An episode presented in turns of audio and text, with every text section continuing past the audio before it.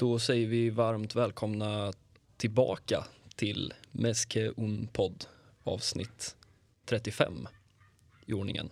Så här ett drygt år eh, sen förra gången. Mm. Eh, jag var inte här, eh, men ni var här. Ruben Ja, ja precis. Eh, Alltjämt kvar. och Mackan.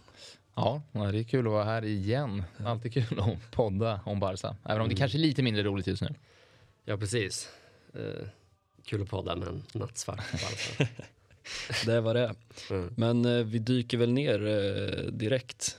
Vi har eh, så prydligt ett landslagsuppehåll som kom eh, lägligt här så vi har ju inget jätteaktuellt att prata om. Eh, Men vi har ju en säsong att prata om. Mm. Eh, nionde plats i ligan och två raka torsk i Champions. Mm.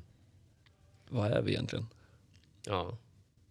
Ja, Det är otroligt när man, när, man, när man säger det, nia i ligan. Det är väl den sämsta upplagan av Barca sen... Jag minns det här, då var man precis i början av sin Barca eh, eh, karriär så att säga.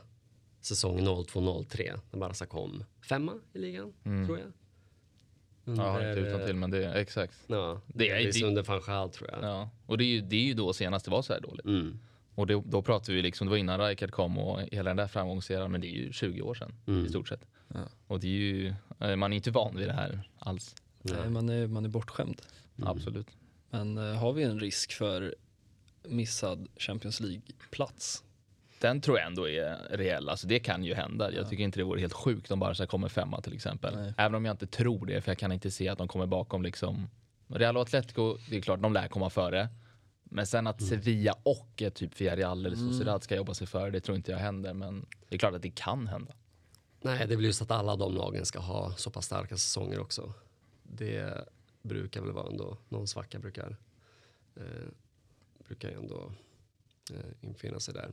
Men ja, det, det, det är en bra fråga, så jag, jag tror inte att eh, det, Frågan är lite hur stark är Barsas trupp, eller snarare hur svag är Barsas trupp?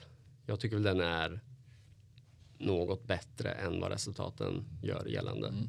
Så det blir lite en tränarfråga också. Ska komma stanna? Ska han inte stanna? Lyckas, stannar han lyckas han lösa upp några knutar. Eh, lyckas eh, ja, men, lättar skadeproblematiken eller inte? Det blir den typen av frågor som avgör tror jag. Bra brygga. Ja, Nu pratar vi Koman. ja just det. Eh, Koman. vad händer egentligen? Mm. Nej, det är ju... Fan, jag har aldrig gillat Koman och hade inte höga för- förhoppningar eller förväntningar när han kom. Han har misslyckats i, eller typ misslyckats. Åtminstone inte lyckats på något särskilt bra sätt någonstans. Förutom i kanske holländska landslaget Ja. där han var innan. Men, och han har ju återigen bevisat att han... Det är ju en märklig... Ett märkligt ledarsätt han håller på med och det är mycket det här... Man känns lite maktgalen. Det är mycket härskartekniker och allt det här med Ricky Push som... Det som kommit ut är ju att han ja, men kallat han en ja, men, så här, snitch. Alltså han har läckt ut i pressen, vilket är, jag vet inte om det stämmer, men det är ändå en sjuk grej att ta upp infall i, omklädningsrummet. Och eh, Något Pjanic- måste man väl ändå känna. Alltså, jag tänker det är klart att man som tränare kan gilla eller ogilla en spelare. Men det har gått liksom ett och ett halvt år nu och jag menar oavsett hur, för man kan ju tycka att ja men Ricky Push han presterar inte på träningarna eller ni ser inte vad som händer här och där Mm. men han har ju inte fått en chans Nej. på ett och ett halvt år. Så det är ju som du säger, det måste ju finnas någonting. Ja, nej men det är mycket som är, mycket som är konstigt med Koman och det absolut ultimata är att resultaten är så jävla usla. Mm. Och det är ju inte, visst att truppen är dålig, men så här dålig är den inte. En bättre tränare får ut betydligt mer av, Mm. av den här upplagan. Och det är ju som du är inne på Mackan, det är ju lite för många spelare som vittnar om att han Ja, är oskön. Ja. För att det, alltså ingen rök utan eld. Nej, exakt. Pjanic har ju också varit ganska tydlig. Både Ja, jo, ja. innan och, det får man ändå ge honom. För att det är ju lätt att eh, bli utkastad till Besiktas och Mm. sitta där nere och liksom vara sur. Men han har ju pratat öppet om Koman mm. redan innan han försvann. Mm. jo absolut. Det är precis både Barca-spelare och spelare från tidigare klubbar Mm. som han har tränat. Mm. Vet ni om det? Ja, det är väl i eh, gamla Everton, eh, Ja, vet du han? Omar Nias, det. som man inte har så jävla mycket på. Nej, han skrädde ju inte orden alltså. Nej. Han var ju väldigt hård. Ja, den där videon har man sett. Den har gått runt på Twitter några Ja. varv. Men den är, ja, han är hård. bortplockade, fick inte plats i omklädningsrummet. Nej, exakt. eller vad var det? Nej, exakt. Jag var ner till junisarna och Ja. tränade med dem. Ja. ja, men det är ju något i både mitt toppblock rök ju senast efter Atletico Mm. när Koman rullar ner och som var, han har ju någon slags, det är ju, jag vet inte, man börjar vänja sig vid resultaten. Där känner jag mig avtrubbad, men sen vet man att efter matchen då ska ju Mr Koman springa ner i pressrummet och där blir det ju åka av varje gång Ja, känns det som. nej, så är det. Ja, den där märkliga eh, halvpiken till Laporta där när han... eh, Ja, det är något. Det var någonting. Nu har jag glömt citatet. Så. Mm. Ja, men liksom det, är vik- det är viktigt att, att eh, tränaren har förtroende. Ja, absolut. Ja, jo, det förstår vi att du tycker. Mm. Ja. Och det var det jag tänkte säga, just när, senast när um, Thomas Lemar är det väl som Mm. kommer igenom. Och Koman på presskonferensen namnger Nico Gonzales. Mm. Nu, nu kanske ni förstår varför vi spelar med tre backar om Nico inte hänger med. Och, Nej, just det. eh, gör man så mot den spelaren? Nej. Ja, nej. Jag har extremt svårt för hans, eh, hela hans ledarstil och tränar det han håller på med. Och det är ju många andra stortränare, eller alla andra stortränare, tar ju, de skyddar ju sina spelare. Det är så jag tycker att man ska göra och det är så de flesta gör och det är så man växer som grupp och man känner sig trygg och allt det där bla bla bla. Och Koman gör det totalt motsatt och jag har så svårt att förstå vad han sysslar med faktiskt. Ja, det är ju inte bara en. Jag tänker det är Nico, vi har Mingesa mot PSG Mm. när han fyller på. Hur, han, han fyller på va, när han inte, och Koman är helt rasande Mm, och plockar just det. av honom. Just det. Vi har Ricky Push. Mm. Det är ju en viss typ av spelare, vilket jag också kan störa mig på. Alltså, man vågar kliva på en Nico, man vågar kliva på en Ricky, man, man, men en, skulle han kliva på en Piqué eller en Busquets eller en... Det är något i vilka spelare han väljer också. Mm. Nej, det är sant. Nej, det är ju ett slags uh, maktutövande. Mm. Det, det känns ju onekligen som det. Och just att det är riktat mot de här, de här eh, ynglingarna på det sättet, det känns faktiskt, uh, sånt kan ju förstöra människor. Mm. Alltså, Samtidigt om man vänder på det har han gett de unga chansen. Det pratar han ju gärna om. Mm. mm. Men det är också lite billig poäng då, eller billiga poäng att hämta. Han ger dem chansen för att sen slakta dem Det- bussen, ja. Ja, så att de nästan inte kan. eh, De är ju evigt i en slags tacksamhetsskuld Mm. mot honom. Ja. Eh, Jag vet inte, det är det är lite märkligt. fult spel. Ja. Känns som vi är överens om den saken. Ja, men sen det måste man ändå, alltså det finns ju Pedri, det finns Gavi nu för all del, Nico också. Alltså det finns ju spelare som, vissa spelare jag har svårt för, ja men jag släppte fram Mingesa, men hallå, det var ju för att du inte hade en enda mittback. Mm. Men en sån som Gavi har han ju ändå gett chansen. Det, det ska man ge honom, eller? Mm. Ja, och det får man ge honom. Eh, och om vi ska dröja lite vid ungdomarna, det är ändå en ljuspunkt i mörkret. Mm. Det har kommit fram av allt att döma en väldigt fin generation unga spelare. Mm. Eh, det så såg det ju inte ut för inte så länge sedan var ändå känslan att det är någon typ av eh, ebb vad gäller La Masia. Men den, det har ju verkligen förändrats. Om vi stannar där, vilken spelare har ni som favorit som har klivit fram senaste Alltså det är, säsongen, säsongerna? Nej, jag håller nog eh, Ansu Fati ganska klart högst av samtliga. Eh, med Pedri tätt, ganska tätt bakom, men Ansu jag tycker han har en nivå i sig och en spets som är... Alltså håller han sig bara frisk nu, att den här knäskadan inte förföljer honom och jäckar honom i framtiden. Jag ju svårt att se att han inte ska bli en av de bästa i världen på sin position. Han- Jag tycker han är helt alltså, sanslöst bra verkligen. Du tror det så pass? Ja, Nej, jag, tycker, jag tycker han är så... Du håller inte med om det? Ja, ja, delvis håller jag med. Men jag, jag vill, Det är klart att man inte kan lova att en spelare blir bland de bästa i världen. Det är ju skitsvårt. Men jag tycker redan att den nivån, nivån han presterat på är så... mm. Ja, den är jättehög verkligen. Jag tyckte ju han var, när han slog igenom så var han ju otroligt bra. Mm. Eh, otroligt ung också. Mm. Men sen i början av förra säsongen innan han Mm. ådrog sig den här korsbandsskadan. Då var han så otroligt bra. Mm. Då kände jag för första gången att shit det här är, han är på riktigt på riktigt. Alltså, tidigare har jag känt att det är en lovande spelare, duktig spelare, men att det här är någonting. Ja. Någonting utöver det vanliga. Ja, Men det var en så pass kort period att jag alltid har känt att ah, så jäkla synd att han blev skadad. Men då menar du precis innan skadan då? Ja, det, förra säsongen? för, början av förra säsongen. Men pratar vi skadan då eller pratar vi rent kvalitet? För jag är livrädd för att Mm. skadan gör saker med honom som Alltså han har ju redan, och det ska vi säga, han har ju redan gått igenom exakt samma Alltså, sak tänkte eh, precis när han skulle ta steget upp. det är från- hans andra stora skada i karriären, Ja, eller hur? exakt. Och då var det benet, typ, Ja. för tibia Mm. eller vad fan det heter. Mm. Det är ju rätt an- Ja, anmärkningsvärt det är helt otroligt. Och 18-åring eller vad han sen gå därifrån, kliva rätt upp från Juvenil A. Han gör en förs, han gör väl två eller tre matcher med B-laget på försäsongen. Ja, och sen är det augusti och sen gör han mål på Camp Nou och måste få föräldrarnas underskrift för Nej, att han är så ung Mm. för att han ska få komma dit. Det är mindre. riktigt sjukt. Men då tyckte inte jag han visade upp så jäkla mycket X-faktor. Hela första säsongen. Alltså hans Nej. allra första säsong. Ja. Eh, han visade ju däremot upp mognad och spelsinne och väldigt många saker. Mm. Men just den här eh, X-faktorn, en mot den tyckte inte jag man såg jätte, jättetydligt. Nej. Eh, därmed inte sagt att han var dålig en mot den. Nej. Men som sagt, början av förra säsongen tyckte jag man såg det i överflöd. Eh, men det var ganska litet underlag om man har att... Eh, så man får väl se. Men det är klart att han har eh, extrem potential. Ja, Det är något, Om nu skadan inte har eh, stjälpt honom för mycket. nej, precis. Det är något som är obehagligt också med det här att man litar inte riktigt på den medicinska staben för att det känns som att det är så många skador nu som Alltså Mm. först pratar man väl om, jag vet att Koman då pratar om att ja, men, till matcherna mot PSG, det, vi ska inte liksom, han ska inte spela 90 mot PSG. Och var är vi då? Februari, mars. Mm. Och nu är vi liksom i oktober och han är knappt. Alltså det är ju Nej, något, det är något som har gått fel längs vägen menar jag. Mm.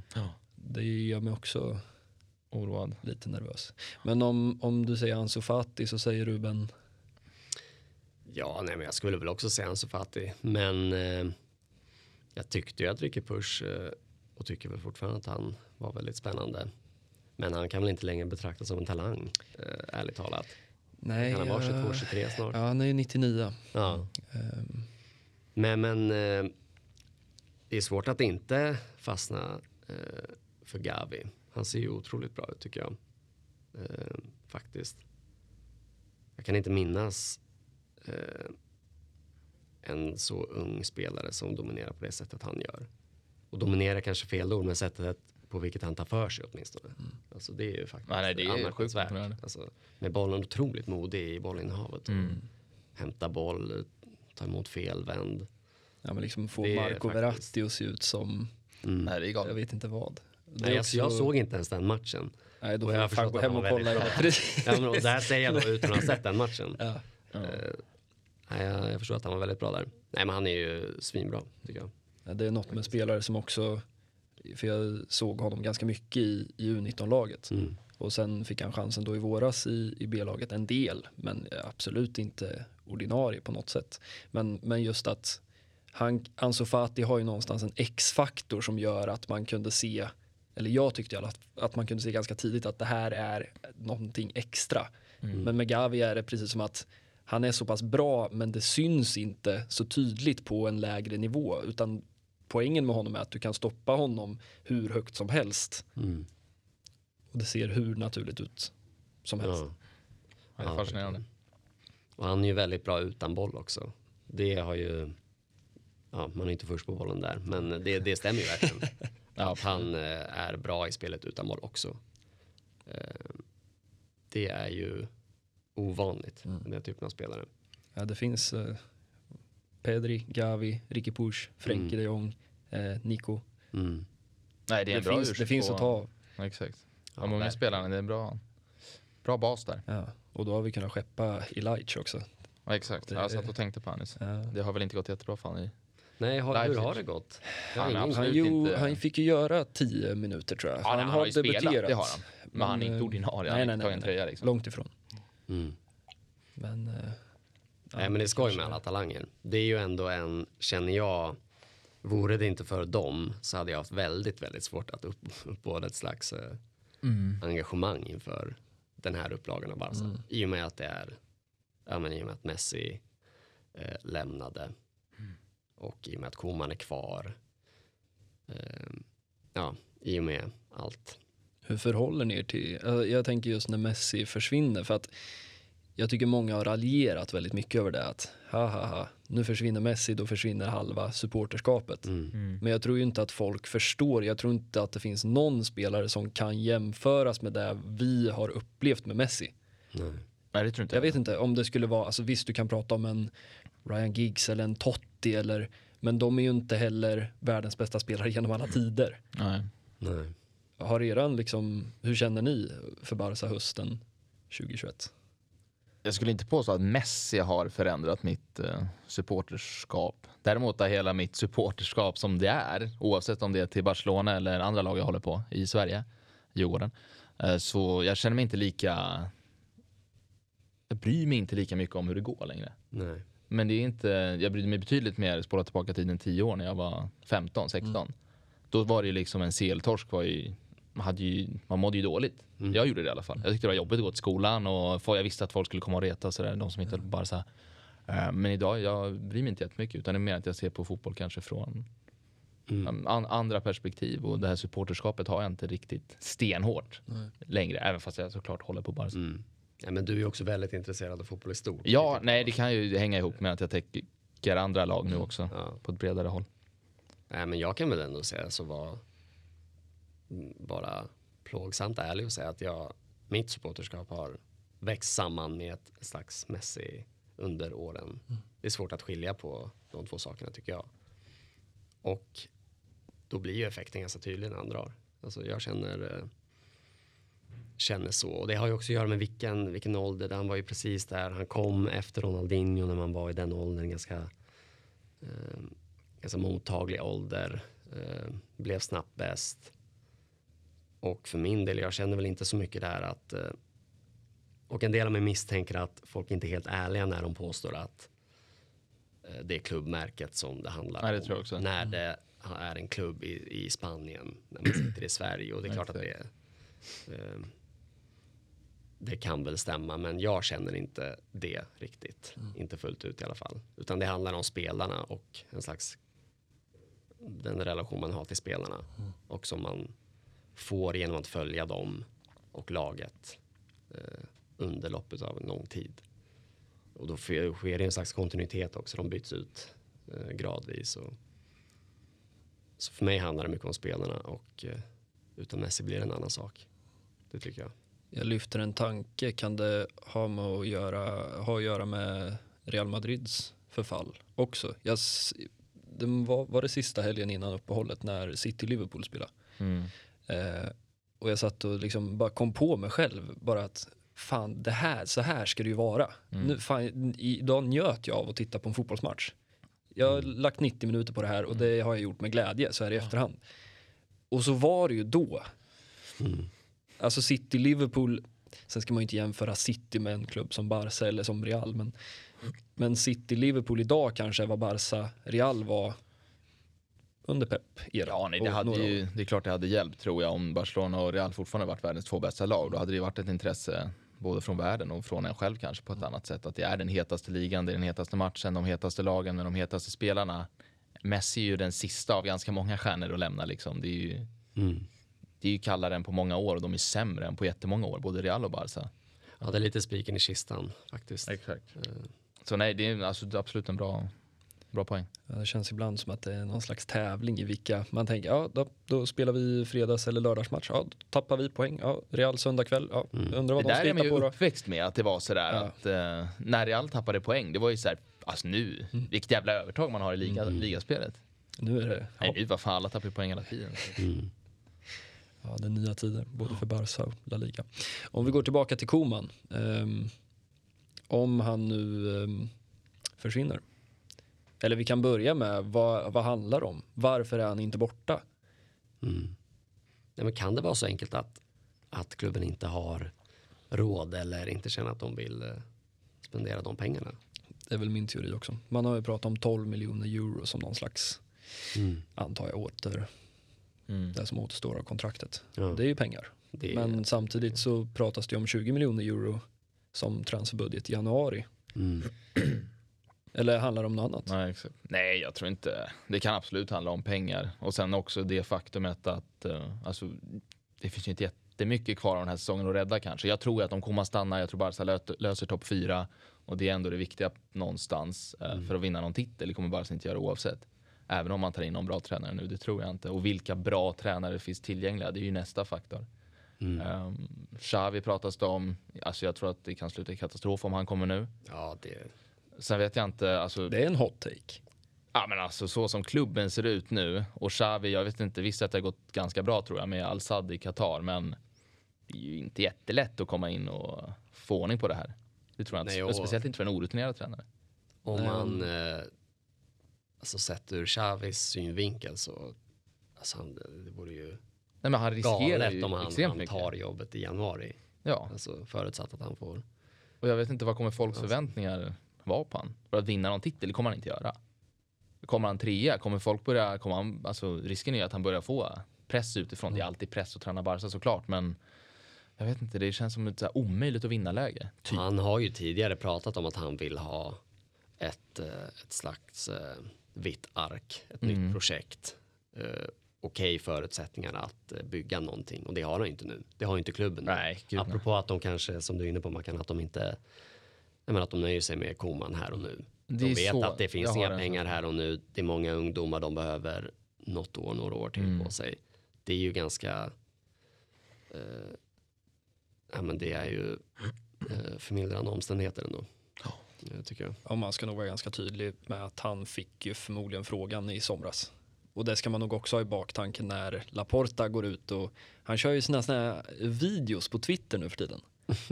Han liksom postar en liten videosnutt på en och en halv minut där han säger samma sak ungefär att ni måste ha tålamod och vi ska Barca, vi ska kanon. Men eh, liksom hans prat om Koman och hur vi måste ha förtroende och det här är en klubblegend. Man ska ha ganska klart för sig att det var ju två veckor i somras där han bokstavligen berättade för Koman att ja, jag vet inte om du är vår man liksom. Eh, Men om två veckor så vet jag. Ja. Förmodligen fick väl Xavi frågan under de två veckorna. Nej, det är inte omöjligt. Nej, Det är verkligen inte omöjligt. Och alla vet ju vad det handlar om på något sätt. Alltså när de dansar dansen, men de, alla som följer Barca vet ju att vet ju vad som försiggår egentligen. Eh, Det tror jag. Men oavsett om han får sitta säsongen ut eller det är väl ungefär så långt man kan se honom. Ja, han, han har ju ingen, eh, ingen framtid i klubben längre än så. Det tror jag verkligen inte. Utan i sommar då, då byter man ju tränare oavsett vad. Då, då är det ju läge. För han, han kommer inte göra det här laget bättre. Absolut inte. Man ska också komma ihåg att en viss Bartomeu skriver ett tvåårskontrakt med Koman när han vet att han försvinner själv efter ett år. Mm. Ja, det... De gjorde Vi, mycket vi konstigt. behöver inte prata mer om honom. han har fått sin tid i rampljuset. Det känns som att vi är ganska klara. Men jag har ju också en tanke, det som gör lite ont för mig med Laporta är ju att han kickar eh, Garcia Pimienta Mm. som har kanske inte resultatmässigt, det är ju många som pekar på att han borde fått upp B-laget till segundan, vilket han misslyckades med. Men eh, kickar honom i somras och plockar in Serge Barjuan. Mm. Ganska bra Barca-karriär. Ja. Han har Absolut. gjort sina matcher. Men det är ingen stor tränare och jag tänker, hade Pimienta funnits kvar, då hade han hoppat in. Han kändes ju aktuell ett tag Verkligen. redan innan. Eh, Och det var ju jättekonstigt eh, utifrån. Nu följer inte jag Barca B jättenära, men det man har hört och sett är ju att han är har gjort det jättebra med Barca B Pimienta. Eh, Och att han fick gå var ju extremt överraskande från alltså, alla håll. Och sen nu när Barcan har kommit in och gjort det ganska dåligt väl med Barca B, ser inte alls bra ut. Eh, Så man undrar ju vad Laporta egentligen ville med det Men hur kom det sig? Ett slags politiskt beslut? Eller Lite vad? så känns det väl Vad som. jag har förstått är det väl också att han har velat plocka in sina Ja. Mm. personer. Och, eh, ja, jag vet inte om Nej, Pimenta ju var för edgy liksom, eller vad det nu handlar om. Men jag menar det är bara att titta vilket liksom Barca B som har varit de här två säsongerna. Du har ju i princip haft en spelare på varje position som har varit redo att ta klivet upp. Mm. Och jag menar, gå tillbaka fem år så såg det ju för jävligt ut. Liksom massa, plockade in massa 26-åringar från Zaragoza för att kunna spela Segunda. Det är kul. Men de där 26-åringarna har ju inget i A-truppen att göra sen ändå, så det spelar ingen roll. Men eh, låt säga att Koman på sikt i alla fall försvinner. Ehm, vad lyfter vi för tränarnamn? Ja. Vilka kan tänka sig träna Barca? Alltså jag gillar, får man rätt, eh, ja nej men det är ju det, det finns ju inga Ja, men pengar. i, i Alltså, liksom man- en teori också kan vi ju diskutera för all del. Mm. Ja, det är fruktansvärt ont om aktuella tränarnamn. faktiskt. Jag gillar ju Ten Hag till exempel, Ajax som det har pratats om, som gör ett alltså, dunderjobb. Mm. Hade väl de när de gick till eh, semi där i Champions League också eh, och gick kvar. Hade väl ett eller två lite sämre säsonger men nu har de ju en jättebra upplaga igen som han varit med och byggt upp så att jag tycker det här Alltså det talar ju om att det här är en bra tränare. Han behöver liksom inte ett superlag utan han Ja, det Han formar matchar sina väl perfekt i en ideologisk liksom, synvinkel Exakt. också. Så han är ju spännande. Eh, sen vet man ju inte om han håller i Barca. Allt ska ju klicka liksom men jag tycker att det vore en chansning värd att ta just med honom. Mm. Och i synnerhet kanske med, i och med att Messi har lämnat och att det är Exakt. många ungdomar på väg upp. Det känns som en bättre match än att coacha Messi och Suarez. Och, Jag har tänkt på, jag tänker på Kike Setien ibland. mm. Hade han fått komma in i somras, nu fick han komma in mitt i en säsong, han fick en halv tjurig Messi, en halv tjock Suarez, en Rakitic och Arturo Vidal, på, det känns som en annan tid. En När man värld. spelar den där sessionen känns som man bara säger det är ett svart hål. Alltså jag, Ja. det, jag har inga, det är bara, jag vet inte. Jag, vet inte, jag, jag minns att han spelade 3-5-2 med Sergio Roberto som höger mittback Ja, men det var så första konstigt. matchen. Men, men säg att han skulle få ett blankt papper som det är nu. Ja. Ganska Ja, spännande. inte? Nu är han ju tokrökt. Ja. Men eh, Ja, men det är ju många med. Det, det uppstod ju en slags eh, disconnect där mellan Barca rent fotbollsideologiskt och de spelarna de hade. Alltså det går ju inte riktigt att spela den typen av fotboll om man har, eh, Nej, har för många äldre tunga spelare ja, eh, längst fram. Då är ju, blir det jättetufft i återerövringen och i pressspelet. Och då faller ju korthuset. Alltså det är så små marginaler. Mm. Men nu med en ny trupp så då plötsligt är det ju mer intressant att prata om. Igen, prata om Ten Hag. Men vilka fler? Finns det några fler namn? jag skulle har ju, jag har ju drömt om Tuchel Ja, så nej, precis. länge. Men det känns ju bara... Det är just en dröm också. Det är en dröm. Han sitter väl där han Men det, sitter. alltså, den som är närmast annars har väl varit Roberto Martinez i Belgien. det, det känns, Det känns iskallt, tycker jag. Alltså, jag tycker det känns Ja. mörkt. Det där är lite så här Koman, han, han, har, han gjorde det bra i Swansea, Martinez. Inte särskilt bra i Everton. Jävligt charmiga. Vilka då? Swansea? Swansea. Ja, gud, nej men, Men där, det där gjorde han Swansea. namn. Var han inte i också? Jo, Jo. men det är också så här, Wigan och Everton-sessionerna var så här, ja lite bra, lite dåligt. Sen Belgien, alltså jag vet inte. Belgien är ju typ ett av världens bästa landslag truppmässigt. Sen har han inte vunnit, alltså jag vet fan det känns bara så här, De har ju sitt VM. VM-brons va? ja brons var Det det. blev väl liksom kulmen för den. De har väl varit bra, men alltså vad fan. Inget, Man är, inget rädd, man är rädd för den där landslags... Eh, Ja, det det är på något sätt. Nej, den är, den är, den är läskig. Jag vet inte, sen är det väl Gallardo och River Plate. Ja, exakt. Men det är ju ett namn som man, ja, jag ska inte säga att ni inte kollar på sydamerikansk fotboll, men det gör inte jag i alla fall. Mm. Man är ganska blank där. Absolut. Eh, Nej, nej, ja, det, ja. det är ganska, det säger kanske en del där det är helt tomt i huvudet också när man tänker. Vem, sen klart man kan ju jiddra om Pep eller om Klopp eller, men De här största tränarna vill ju inte gå till Nej. Barca nu. Det är ju där man har hamnat. Mm. Faktiskt. Pirlo pratades ju om ett tag. Det var ju Ja, ett eh, rykte som, jag vet inte om det var på allvar eller inte, men det var ju, Man blir inte förvånad. inte alltså. nej, det, var, det var väl någon slags lista som skulle finnas där. ja. De gillar ju lister, den spanska pressen. Ja, Ja, verkligen. Men eh, ja, det är väl inte mycket av det han gjorde i Juventus som rättfärdigar ett jobb. Nej, ingenting. Det, det är väl också där man är lite rädd för en, nu har visserligen Xavi då haft, med all respekt, Al-Sad, Mm. men säg att han kommer nästa sommar. Eh, löser han det? Nej, det är ett stort frågetecken, Ja. såklart. Man vill ju det, det är ju det perfekta valet på alla sätt, men jag, jag, jag kommer vara livrädd om han kommer för hur det, kommer, hur det ska gå. Mm. Jag tycker inte, alltså, nu, som sagt man kollar inte på Al-Sad och det har väl sett, man ser lite sekvenser på Twitter ibland där det ser ut som Santi Cazorla på Ja, en riktig champagnefotboll men, men jag- alltså jag vet, jag är otroligt tveksam till att han kan komma nu och styra upp det här. Ja, jag kan tycka att det är värt den chansningen. Eh, varför inte? Liksom. Men då får han ju jobbet för att han är Xavi. Ja, och jag men- hatar sådana Ja, rekryteringar det är också generellt. något, Ja, det, ja. i mig i alla fall, jag känner att det blir såna höga insatser för att man respekterar honom så mycket, både som liksom någon slags fotbollsideolog och som fotbollsspelare. Mm. Att om han kommer och kraschar det här totalt nu, det är höga insatser. Ja, absolut. Ja, enorma. Men jag kan tycka, det är klart, Ten Hag vore att före- föredra, definitivt. Men i brist på andra skulle jag kunna tänka mig att. Nej, men så Också så att man får nästan ett, ett eh, facit, ett kvitto på huruvida han håller det eller inte. Börjar, Ja. Man börjar bli trött på det här.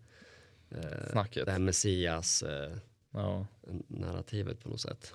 Det börjar bli lite tröttsamt. Men också känslan, det tror jag vi har varit inne på någon gång Mackan, att han är väldigt, han är ju gärna ute i media och pratar om eh, sin framtida Barca-karriär och eh, Ja, om hans eh, tankar.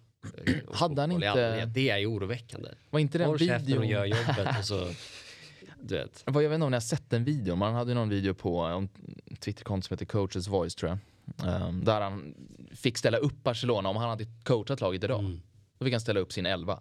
Jag tror den videon var alltså från nu, ganska nyligen. Okej. Det är ändå alltså att han, han är ändå aktuell för jobbet.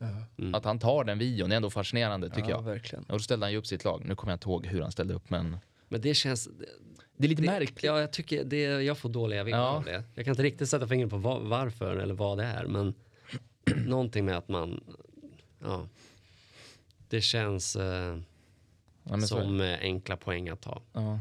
Också för mig att det var jävligt så här, lite Twitter-elva. Twitter Barca fan 11 mycket ungdomsspelare. Och Ja. Är det så han kommer komma in och ratta Barca också? Ja, Då- det, då det skulle, det, man har ju länge alltså. drömt om att få de här Twitter-älvorna på Nej, det kommer ju gå åt helvete. man. Men, Det är ju bara Barca B-spelare. eh, nej, men det, för det var ju också något om att han hade eh, uttryckt på något sätt att han inte hade någon vidare lust att ta Barca B.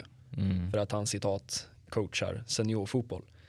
Eh, som Pep har gjort, som Lucho har gjort. Mm. Eh, det känns ju inte som en jättedumt första steg. Ta en säsong i Barca B och sen eh, tar vi det Mm. därifrån. Du kommer vara i stan, du kommer vara med spelarna, du kommer, Mm. eller är han rädd för? Ja, det är svårt att inte tänka så. Att han eh, kanske är lite skraj.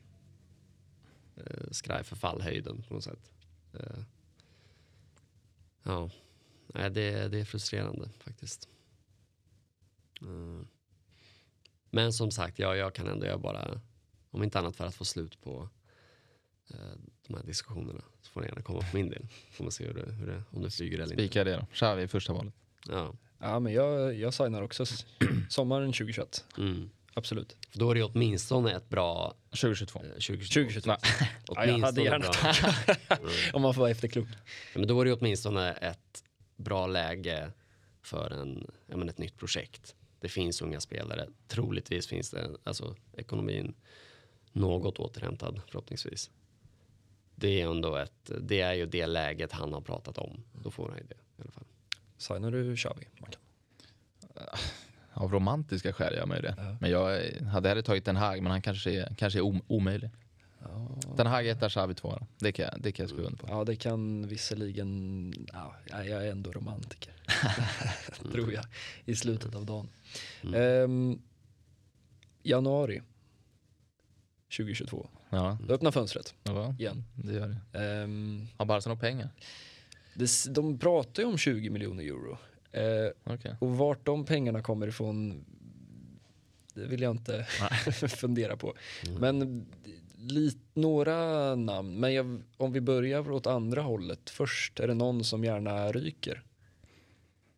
Känns som man kan väl göra ganska mycket med den här, eller man vill göra ganska mycket med den här truppen och, i form av utrensningar och sådär och det finns ju ganska många ja, halvtrötta namn, typ Umtiti har väl, jag vet inte, han kan gärna få gå för min del. Jo tack. Eh, till exempel. Och det finns ju några sådana så att ja, man hade väl velat eh, rensa ut lite men eh, jag tror inte man kan göra så jävla mycket i januari och då är det dumt att skeppa dem onödan liksom. Du behöver ju fortfarande spelare att spela med. Mm. Så jag vet inte. Jag tror att vi får vänta till sommar till den här stora, kanske en till stor eh, remake kommer. Ja, för det känns ju som att eh, Det är, den är redan påbörjat Ja. på något sätt men, Men det är klart, vi har Umtiti, vi har Coutinho, vi har Neto, Lenglet pratas det väl om. Lenglet. Mm. Ehm, ja, nej men det är ju några namn. Som- Coutinho är man ju oändligt trött på. Han går ju till Newcastle. Ja, just det. Är Ja, Newcastle. de hämtar. Just eh, vi måste nästan prata lite Coutinho också. Eh, Jag, jag tycker att det får, att han får för lite, det låter taskigt, men när han får för lite skit. Alltså, nej, Ja. det kanske är taskigt för att han får väl Ja, ta en del. Men alltså Mm. det han har, med all respekt för att han har varit skadad, han har haft en period han måste Mm. komma tillbaka ifrån det. Men alltså det han har presterat, de minuterna han har fått i höst. Nej, jag, jag håller med. Jag, det är fascinerande att tänka på vilken, vilken spelare han var i förhållande till vilken spelare han är nu. Det är klart han blev äldre och sådär men Han är fortfarande inte 30 liksom. nej. Nej, han är 92. Nej, precis. va? 92 ja. Man tänker man, man blir nyfiken på hur mycket som sitter i huvudet på honom. Han känns så otroligt skör. Ja, Ja, det känns är ju det- något. Det var ju, vilken match är det när han eh, sätter, han gör ju, den får väl ändå gå under Memphis målgesten nu. Ja, just det. mm. Ja, men inte. det, exakt, den kommer jag ihåg. Han stänk, jag vet inte. Jag kommer inte ihåg matchen exakt, Nej, det- men jag kommer ihåg hur fånigt jag tyckte det var. Ja. För det var så här, nu tycker du att du har tystat alla, typ att, Ja. vad fan, ska ni kalla mig flopp eller? Ja, Ja, det ska vi, för att du har varit jättedålig. Alltså, vi pratar ju faktiskt om en av de, ja, under vår tid i alla fall, största floppvärvningarna, alltså, ja, vart som helst. Mm. Han kostar över miljarden, en bra bit över miljarden. Och har inte gjort någonting. Det är en helt urusel investering. Ja, nej. Det, så är det ju. Dembélé har ju åtminstone varit bra. Ja, exakt. när Han har ju perioder. skadefri. Coutinho har inte ens en period. Nej. Kanske en match eller två. Ja, jag vet inte, han... Match han mot Levante. Ja, men det- Exakt, Gjorde han hattrick då? Ja. Halv hattrick, var det inte så här halvt självmål också? kanske. Ja, något sånt. Det, det, jag tycker man pratar för lite om den matchen som någon slags, det var ju, vi hade ju gått rent annars. Ja. Och just detta att Det de sjukare. Bänkade Messi Ja, och det till här är förmån ju, för en träningsmatch. Eh, Ja, just det. någonstans. Att han skulle visas Just upp då. Och så kastade de bort eh, ja, det är också så här, det är, ju, det är ju typ omgång 37 vi snackar om. Mm. Det är ju inte omgång 25.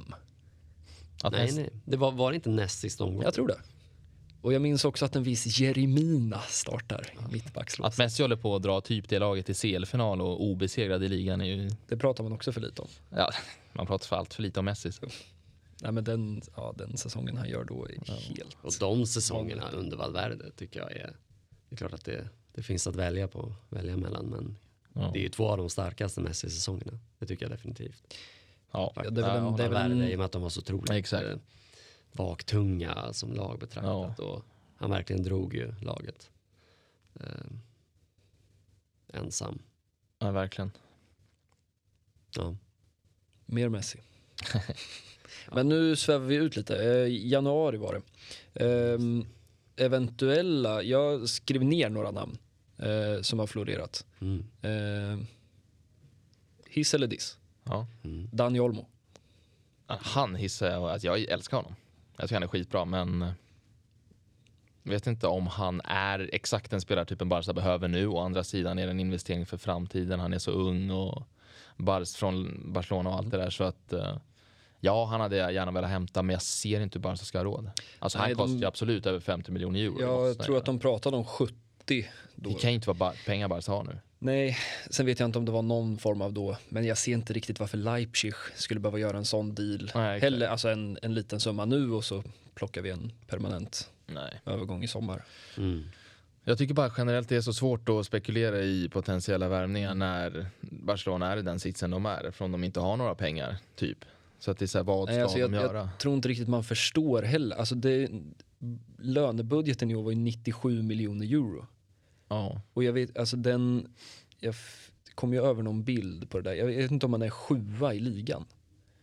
Ja, alltså just i det. lönetak liksom. Ja, inte sin- lönebudget ska jag säga, lönetak. Nej, Exakt, de får spendera en viss summa och den Ja. är typ sjua i ligan. Ja, och sen är det Just så jävla det- komplicerat. Det var ju det här anledningen till att Messi inte kunde spela gratis. Du måste liksom för varje grej du plockar in så måste Ja. du plocka ut en viss procent.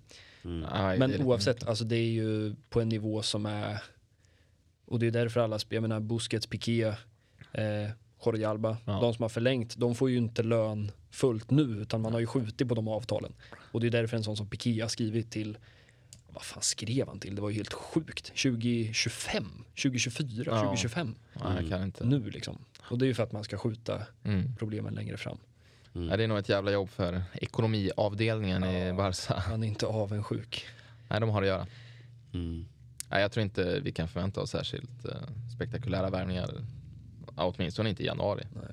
Vi får se hur många år framöver det här. De måste hållas på halster lite grann i värvningsstrategin. jag har, några, jag har några lånealternativ och sen pratas det ju också om att man vill fortsätta på den här gratis, eh, Mm. gratis, inget är gratis i livet, men eh, Memphis Depay var nästan gratis. Mm. Eh, att man vill fortsätta på det. Men en, låt oss säga en lånedeal på Raheem Sterling. det känns som att han skulle förstärka Ja, truppen. utan tvekan. Eh, sen kan jag tycka att Sterling är på väg ner. Alltså i, det tror jag inte att det är som tycker. Han känns inte lika rapp som han gjorde. Men det, absolut. Alltså ett lån av Sterling skulle vara bra här och nu. Det tycker jag. Han skulle definitivt förstärka truppen. Och eh, bidra med lite X-faktor och, eh, och eh, speed i djupled på kanterna. Det är någonting Barca har saknat länge. Alltså där Ja. är Dembélé Att det varit inte har alldeles å- för viktigt. Att det inte har åtgärdats är... Nej, sen, ja, jag vet inte. Koman pratar gärna om hur han saknar yttrar, men Collado, Mm. det, den måste vi nästan också prata om. Det är så mycket som händer i Barca att man nästan glömmer att den spelaren som, alltså, jag, har sett, jag såg i princip varenda match i Barca B förra året. Det är tredje divisionen, det är vad det är. Men det Alex Collado presterade förra året, Mm. Mm. det var på en helt egen nivå och nu är han inte regi- alltså, sen, Ja, det är hårt. man pratar om, han skulle ju först till Klubb Brygge, Ja, exakt. vilket ju hade varit schysst, alltså Champions League-fotboll och förmodligen startplats. Ja. Det funkade inte för att de ville ha köpoption. Mm. Och så Sheffield United på deadline day. Följer. Skön kulturkrock ändå. Ja. Ja, det väl nästan att han duckar en kula där. Ja, Hellre inte spela fotboll i Barcelona Ja, än alltså- att spela i Sheffield. Jag vet inte. jag måste säga, vad går fel där? Det verkar ju vara lite, är det Collados agenter som har liksom förstört det här på slutet? De har haft en deal och sen har de kommit tillbaka med högre. Men oavsett, Mm. att en sån spelare, dels att Koman inte överhuvudtaget verkade vara intresserad Mm. och dels att en sån spelare Barca B-truppen var stängd och de fick inte in honom. De försökte få in honom på Pjanic nummer åtta men det var låst. Det säger väl en del. Ja. Alltså en spelare som inte kan spela fotboll nu för att man inte har koll på Ja. grejerna. Nej, det är ju skitdåligt såklart av Barcelona och det är ju bara ett i raden av alla dåliga beslut och dåliga, alla misslyckanden i klubben. Så, att, nej, det är synd om Collado framförallt. ja, han måste ju Nej, det är skitjobbigt. piss. Ja. Ja, Ja, det var ju nog, jag vet inte hur. Också en så bra period i karriären då. Ja men liksom också 99 Det är en jävla fin generation alltså 99 Mm. Mm, Det det har klart för sig. Nästa, nej det är Mm. verkligen inte 87-klass. vi, ska, vi ska ta det lugnt. Men där har ju Koman en ytter. Ehm, sen har vi ju massa centrala fältare och då är det ju kontrakt som går ut. Mm. Frank Kessie. Han sitter på utgående alltså. Mm. Mm. Nej, ja, hur- mycket behöver Barca förstärka centralt? Jag. Precis min tanke. Men det, det, är inte, det är inte där man ska sikta in sig på att hämta in folk. Liksom. Så jag kan tycka att en sån värvning är lite onödig. Mm. Nej, jag, jag skriver under på det. Han är ju duktig och skulle väl vara, men det är på sin höjd som ett, ett komplement till ett mer tekniskt utpräglat mittfält. Då. Eh, en slags eh, Keita. Ja, jag vet inte vart han skulle spela. Alltså skulle han spela... Han kan inte spela pivoté. Han skulle spela sexa Ja, position. Mm. Eller? ja nej, men han trivs ju lite box-i-box-rollen. Men exakt, han är ingen pivot som, Nej. inte Busquets alls. Nej. Eh, men han är ju duktig med boll, det är han ju. Men det är ju en liten box-i-box-spelare. Ja. Men det finns ju så pass, som ni är inne på, det finns ju så pass många bra mittfältare just nu. Nej, den känns onödig. Ja. Ja, det är synd att jag slängde in Dennis Zakaria och Paul Pogba. Zakaria har det ju pratats eh, mycket om nu på slutet, Mm. att Barcelona ska vara där och rycka. Men det är ju många lag som rycker i hand tydligen. Mm. Så jag tror inte Barca, det lär inte vara hans första val. Nej. Nej, det är också en ny verklighet att man har alltid tänkt, ska, Ja, vill, är vi intresserade? Nu är det helt plötsligt, är de, han. Ja. är han Det är intresserad? klart. Mm. Så är det. Och det finns ju inte heller Messi som ett slags eh, Nej, han lockar dragplåster längre. Han, eh, Han lockar det nog väldigt mycket. ja, det tror jag. Alltså folk, Ja, jag jag, är också helt säker på att, eh, att eh, spelare var redo att gå ner i lön eller, Mm. eller åtminstone inte få den lön de skulle ha fått någon annanstans för att få spela med Messi. Absolut. Det, det finns inte det längre. En viss Kun Agüero säger hej. Mm, exakt. Ja, Chansen Ska tydligen ha Koman. gjort sitt första mål idag. ja jag såg det. Lirade någon träningsmatch mot Bakom stängda dörrar. ja, Cornea eller vad fan Mm. var det? Mm. Han och, vem var det mer som hängde en kassa? Såg jag inte. Känns att alltid som att. Coutinho hänger kassar och så Ja, Jag skriver ha Mondo. Mondo Deportivo, nu är Coutinho på gång. Herregud. Nej, vi ska inte vara sådana. Mm. Men rent, ehm, som du säger, vi har ingen ekonomi. Men om vi ändå får drömma lite eller prata i alla fall i positioner. Var vill vi förstärka? Mm. Jag tycker väl som sagt att, eh, att eh, en, eh, en snabb och eh, ja, men en snabb ytter som är bra en mot en. Det tycker jag är det absolut viktigaste. Ja. I och med att Dembélé, att man inte kan lita på honom. På att han ska komma tillbaka. Ja, Jag landar också i det. Alltså anfallsalternativ generellt. Det är så extremt tunt där framme nu. Jag vet inte ens hur Barcas bästa elva med alla friska. Då är det kanske Memphis, Dembélé, Ansu. Mm. Om jag inte Ja, glömmer. någon. den lockar ju rent sen. Men samtidigt är ju. Dembélé ju inte frisk. Nej, och Ansu är ju alltid ett frågetecken. Det, kommer, det är inte rimligt. Nej, så då är det av de som är tillgängliga oftare är det ju Memphis. Braithwaite eller? Mm. Och vem mer? Alltså, ja, Ja, Så nia med andra ord landar man ju också i. men Nia och I guess. Ja, Memphis lite falsk winger eller vad fan man ska kalla det. Mm. Inverted. Inverterad. ja. Men sen ska det in en till. Jag kommer knappt på vad det är. Alltså, Ja, det är väl med- Men man kan ju inte spela Agüero, Braithwaite och Depay. Nej, det är ju det är ju sämst. Alltså, det är ju så dåligt. Mm. Balan- Men sen, sen vet jag inte, det. har ju också, så att man spelar en som, ja, sen vissa matcher har det varit så svårt, man har ju knappt sett man har ju sett såna här, de här fina matchtavlorna som kommer upp med spelarnas positioner Mm. och man ser liksom ett jävla virrvarr. Mm. Men Gavi har ju spelat vissa matcher i alla fall Ja, just det. lite ändå mer åt höger. Fan, vad var det? Var det mot Atletico när han körde 4-2-3-1 med Frenkie Ja, var... och Gavi på varsin kant eller? Ja, Frenkie såg... eh, Det var, alltså Frenkie Lite spelade, förvirrat. han var högerytter i första Eh, halvlek. Gavi, Nej, Frenkie. Frenkie. Jag tror Gavi var vänsterytter om jag inte missminner mig helt. Men det var något sån där, det var, det var bara centrala spelare på, Mm. på banan. Eh, och det, skri, det säger något om hur, hur lite alternativ det finns i. Mm. Jag tänker det, det skulle ju ändå vara, om man får vara lite nostalgi, men liksom från Pep-tiderna om man kunde spela Iniesta som en vänster yttermittfältare. Mm. Inte rent positionellt, men på tavlan i alla fall. Mm. Ja, nej, men då ska man hitta den lösningen. Nej, men jag tror också yttrar. Och det är väl också, det finns ju, där kan man ju nästan, Kouyaté är också den typen, tycker jag i alla fall, lite mer inåtgående yttrar som Exakt. är mer kreativa. Eh, spel. Man behöver ju också spelare som kan gå på utsidan och som kan sparka springa lite grann. Alltså, så det är inte bara, annars kan man ju sätta ut Pedri på vänstern, Ricky Push om han motståndaren skulle få chansen. Den typen av nästa lösning. Men det blir lite homogent på något sätt. Ja, och det känns inte som att ytterbackarna riktigt har klarat av heller. Nu har ju Dest varit förvånansvärt eh, nästan varför, varför kan han spela vänsterback? Nej, det, han har känts bättre där Ja, nästan. det är helt otroligt. Större hot framåt. Ja, Sen är jag generellt ganska svårt för honom, men eh, Han är jävligt oslipad alltså. ja, det Han är en lös kanon. Han- ser inte riktigt den där höjd, eller jag gör inte alltså att han ska ta de där stegen just nu. Men det kanske är när han spelar i Barcelona, alla ser halvdåliga jag ut. tänkte så säga det, sätt, ho- sätt honom i, i. Bayern som han var så nära. Absolut. Liksom. Då Det hade säkert sett bättre ut, såklart. Men, eh, och Mingesa som är en av mina absolut personliga favoriter. Mm. Men det är ju inte, det, alltså säg att du har ytterback, eh, liksom en Alfonso Davis eller Mm. sen visst Jordi Alba är ju på sin dag jättekul att se offensivt. Mm. Men det räcker ju inte. Alltså säg att du hade haft ex- exceptionellt skickliga ytterbackar offensivt så kanske man hade kunnat spela med en, en Gavi eller en Pedri som Mm. yttermittfältare och det hade fungerat. Eller att man hade en Messi som då löste sig ju det mesta. Mm. Mm.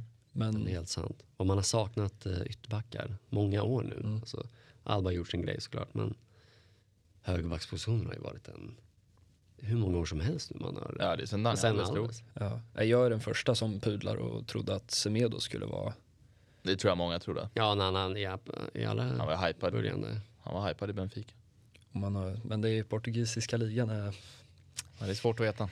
ja, man har ju en sån som Grimaldo också som ligger Mm. nära till hans pigg senast. Ja, han är duktig.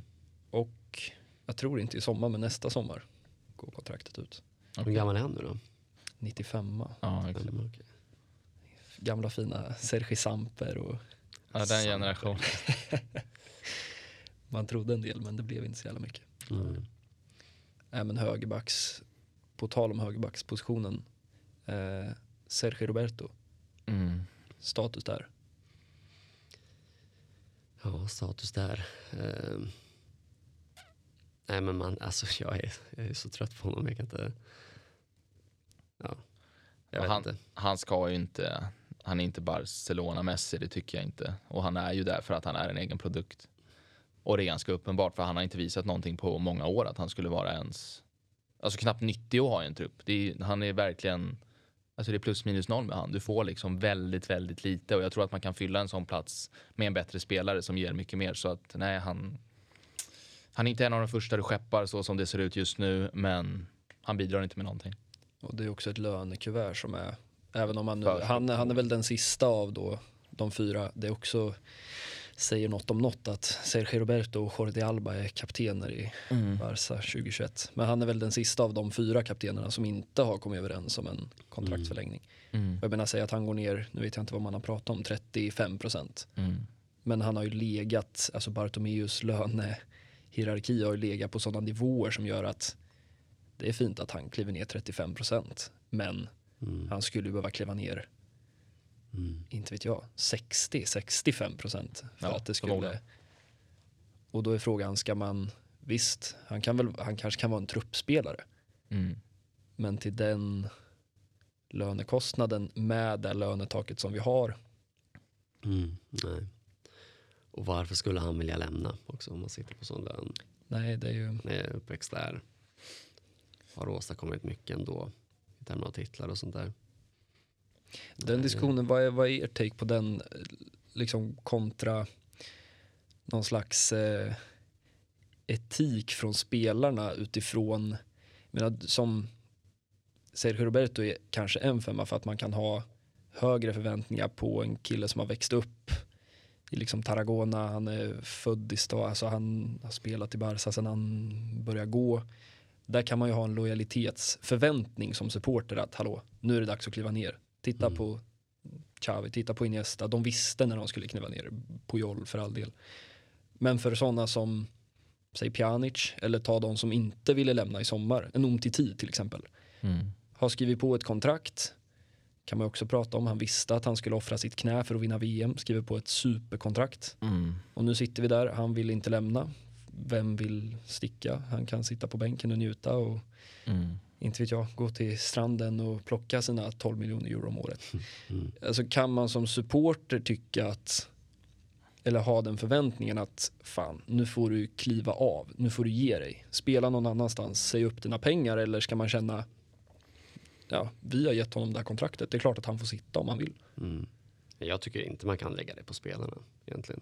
Man kan känna det, det kan jag känna också, men jag tycker att det, det är en fråga om, om klubben och planering. Och, alltså, helt och hållet tycker jag.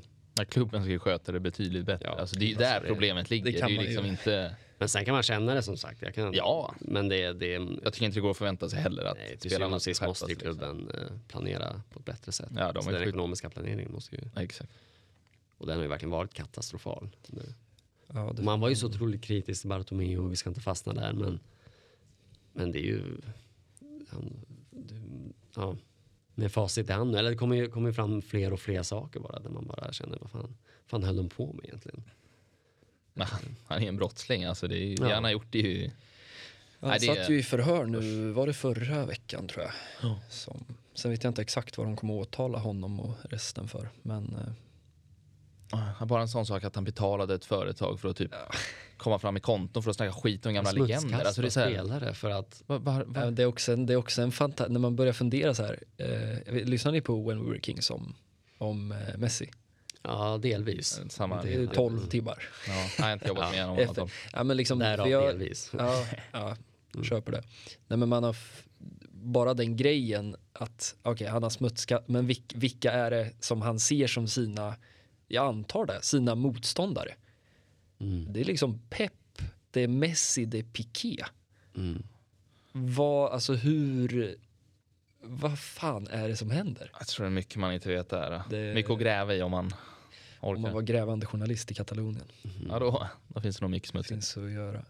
Ja, den, den trippeln är nog, Ja.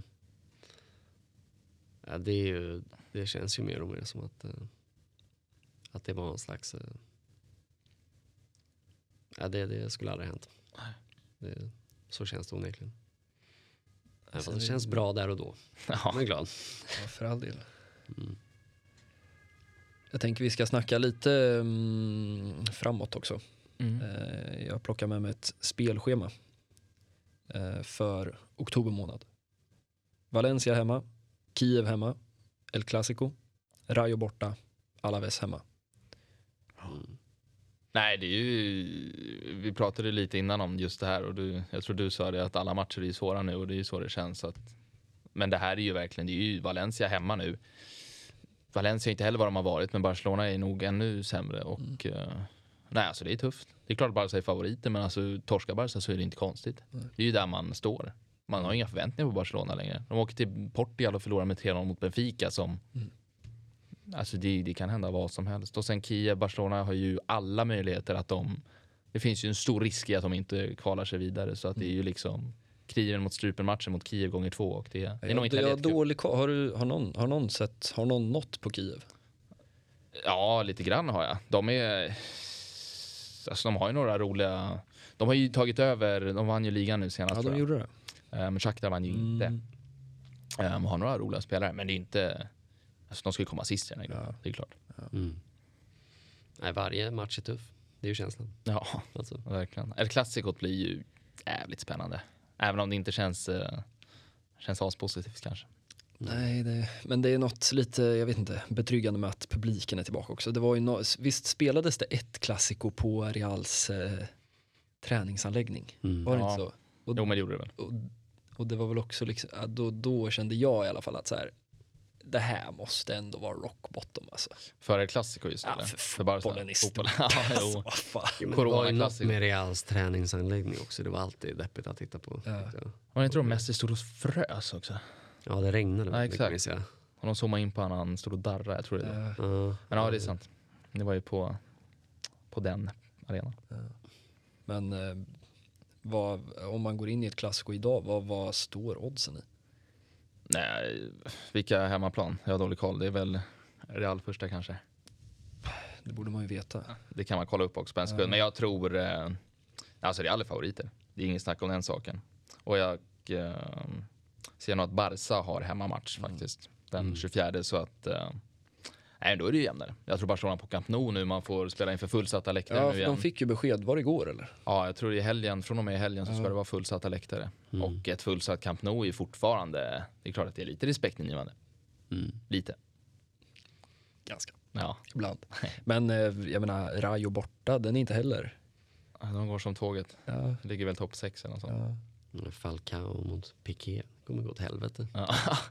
och den arenan är faktiskt, eh, det är ju en gryta. ja den är I mäktig. Vallecas där. Man det- har, fan, man har saknat dem alltså. Ja, jag älskar det. Eller Det är den där, det. med den där väggen. Ja, eller? exakt. Det är Eller det här- åtminstone var så. Det kanske Ja, det har bygge. varit en vägg bara. Ja. Där de har byggt, exakt. Eh, Så nej, den är jävligt häftig. Och de är häftiga. Ja, de har, sen ska jag inte låtsas vara någon expert, men det är väl någon slags, liksom, de är väl jäkligt vänster. Ja, de är Klubbidentiteten, politiskt, eh, liksom. politiskt aktiva Ja. supportrar. Helt klart. Häftig klubb. Spelar de fortfarande den här, hur ska man beskriva den? Ehm, den här väldigt ehm, nästan Bielsa-aktiga fotbollen. Ja, de har ju uh, Iraola nu som spelar i Athletic förut, Bilbao. Mm. Eh, ja, det är, de Det är klart, spela... han har ju haft Bielsa. Ja, nej, men alltså. exakt. I ja. ja.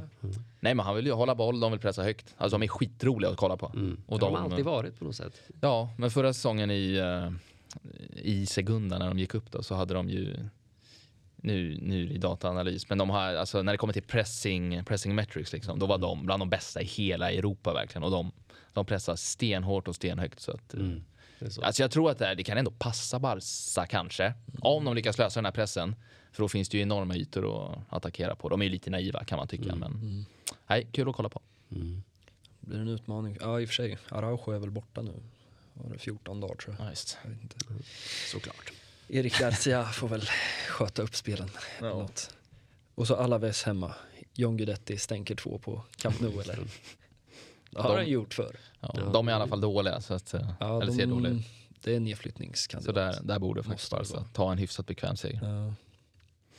Jag är mest orolig för, eller mest orolig, men ligan känns, alltså jag är fortfarande någonstans i det här att vi kan inte, alltså to- att missa topp fyra, det finns liksom inte i, Nej. låter väl pretentiöst, men det finns, det finns, och det, jag tror att det är fullt möjligt, men det är som att man inte har liksom tänkt tanken. Nej.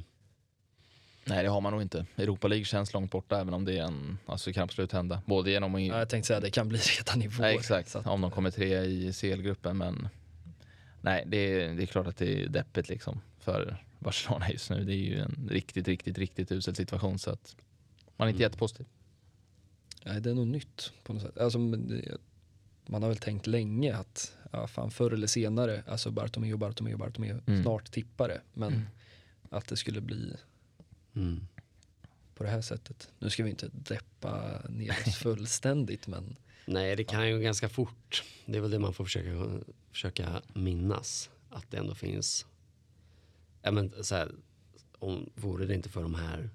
Säg att de här eh, ungdomarna inte hade kommit upp nu. Hur hade det sett ut då?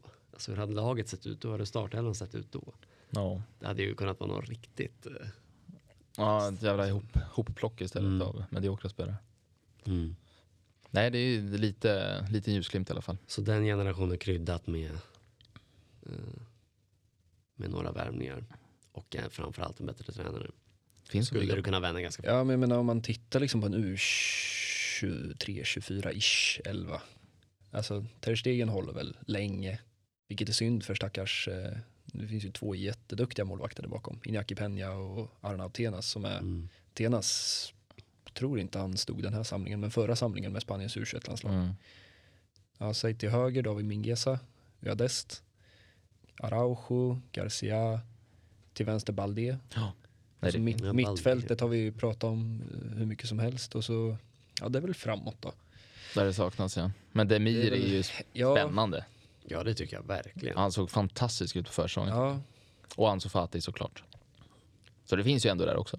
han, men han har sett lite, för jag blev också helt, eh, Såld i början. ja, jag tog med mig två saker från försäsongen. Demir och Karim Adeyemi i eh, Red Bull Salzburg. Ja, just det. Mm. Hade man inte tackat nej till. Ja, han är duktig. Han är nära Dortmund, eller nära men Dortmund verkar hetast för honom i alla fall. Det luktar väl Leipzig annars. Ja, jo. Eller? Det är Red Bull, Red Bull där. Ja. Varför inte? Men Demir slet ju i någon match. Vilken match var det han fick eh, chansen från start? Att han var inte, Ja, han var inte jättebra nej. Nej, precis. Han såg, han hade såg lite i Junis, Ja. eh, Men så har det väl varit nu när han faktiskt fått chansen i de här riktiga matcherna. Mm. Att han kanske inte varit lika bra som under försäsongen. Nej. eh, faktiskt. Man hade ganska höga förväntningar i och med Ja, försäsongen. exakt. Det kändes för ju- höga. Ja, Och sen var det väl också en, liksom, han var ju tänkt för B-laget. Mm. ja nej, han chockade ju. Så att, eh, Han var överraskad. det kanske också säger något om var Barca är just nu. Att Mm. man, ja, nej, då skeppar vi Griezmann på det. Ja, vad har vi kvar då? Ja, Demir, kom in. Nej, men lite så är det. Men eh, Dålig planering. ja, faktiskt. Eh, jag vill också lyfta att, eller jag vill fråga, vad gör ni på söndag klockan 12? Oj, Oh, är det något man... ja, det säger mig ingenting. det känns som det är något man ska... Bra, ja, men då har ni ju fritt i planeringen. Det är ju B-derby. Ah. Barca B mot Real Madrid Ja, Castilla. det. Yes. 12-0. Det Ja, borde man ju den är ju fin faktiskt. Det är, sen har de ju slut, de sände ju, jag får ju panik, de sände ju via hemsidan förra året om man signade upp Ja, alla B-matcher. Ja, nu är det nog, eh, jag ska inte ge mig på att chansa på ett namn jag inte kan helt, men det är någon annan liksom Mm. streamingtjänst som har tagit över det där. Så. Okej. Ja, men, det bra. finns ju andra lösningar att Ja. se matcher på. eh, som Nej, men bra tips. Ja, Det, Ja, det tar vi med oss. ja, verkligen. Ehm, vi ska runda av lite. Mm. Ehm, vi får väl se vad som händer framöver. Ehm, men avsnitt 35, vi drar igång igen. Sen får vi se hur det ser ut framöver. Om det blir en gång i veckan eller två gånger i veckan. Ehm, Mm. men det känns kul att, eller jag premiärar ju här. Mm. Men eh, det känns kul att vara igång, Ja, och vilken premiär sen. eller hur? Det känns ju skitsmidigt. Verkligen. Jättebra. Så, Ehm, avsluta med att jag vill ha ett eh, matchtips. Valencia hemma söndag 21.00. mm. tror jag. Kan stämma. Ja. Inte undra. Ja, vad blir det? Nej, jag tror Barca. Jag tror de vinner då, men 2-1 Barcelona. Målskyttar. Oj, Anso spelar väl, det tror vi. Ja, det, tror kan, det, det är nästan start. Han har ju varit hemma ett helt, jag var ju livrädd Exakt. för att eh, Lucho skulle plocka upp honom nu i landslaget. Ja, men, För tokigt till och med för Lucho. nej, men det kan bli start. Nej, men jag, jag tror Ansu gör ett mål och sen Memphis. Det är fan alltid mål nu känns det som. Mm. Nej, men 1-0 Memphis avgör. Så Ni det är bli. positiva. Ja. Då drar jag till med 1-1 då. Mm. Ehm. Ska vi säga... Nu måste jag sticka ut det där. vi säger Busquets. Busi! Ja, vore... Knoppar in en hörna eller något. Ja, vi får se. Ehm, men eh, tack för att ni eh, höll mig sällskap. Tack själv. Tack Kul själv. att vara med. Grymt. Eh, så hörs vi igen. När vi hörs, Yes. säger vi.